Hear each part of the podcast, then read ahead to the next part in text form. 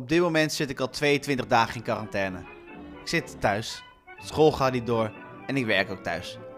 Ik heb zoveel meer tijd over, dus ik pak mijn telefoon erbij, zet mijn koptelefoon op en ga soms lang uit de bank liggen. Ik kijk dan filmpjes van bijvoorbeeld Ajax op YouTube. Ik typ in Ajax documentaire en kijk documentaires over bijvoorbeeld de patatgeneratie, over Johan Cruijff, Sjaak Zwart, over Bobby Harms, de goede bul en ook over Shaki Wolfs. Ik kijk gewoon documentaires over de materiaalmand van Ajax. Zoveel hou ik van die club. Ik wil dus een reportage maken over iets uit het verleden van Ajax. Het is vandaag 3 april en precies 24 jaar geleden speelde Ajax haar laatste Europese wedstrijd in het Olympisch Stadion. Dit was de wedstrijd tegen het Griekse Panathinaikos in de halve finale van de Champions League. Oud-teammanager van Ajax, David Ent, zegt het volgende over de relatie tussen Ajax en het Olympisch Stadion. Dit stadion heeft natuurlijk een Olympische glans en gloed, maar ook voor Ajax is dit een heilige grond waar zoveel grote triomfen zijn gevierd in het verleden. Ajax heeft een speciale band met dit Olympisch stadion. En dan heb ik het niet alleen over wedstrijden in wat toen heette de Europa Cup en later de Champions League, maar ook bijvoorbeeld in de competitie.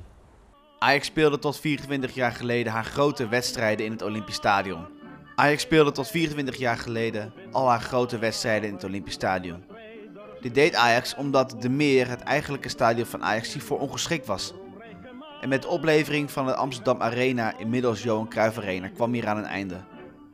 Niet alleen alle grote Europese wedstrijden speelde Ajax in het Olympisch Stadion, maar ook de wedstrijden tegen grote Nederlandse clubs. Een van de meest legendarische wedstrijden die Ajax in het Olympisch Stadion heeft gespeeld, was de beslissingswedstrijd tussen Ajax en aartsrivaal Feyenoord in het jaar 1960.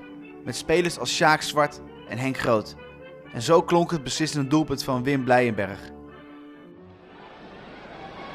Prins naar Blijenberg. Dan gaat Blijenberg alleen.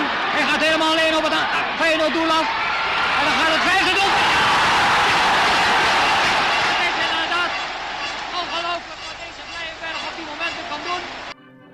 Hierna rende het publiek het veld op en sloot haar helden in haar armen.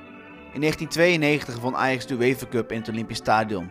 In het tweeluik met het Italiaanse Torino. Doordat Ajax-keeper Stanley Menso het doel schoonhield in de terugwedstrijd, kon Danny Blind na 90 minuten de beker omhoog houden. Ajax had een engeltje op de lat zitten, want Torino raakte meerdere keer het aluminium. Het zal toch niet gebeuren? Sordo op de lat.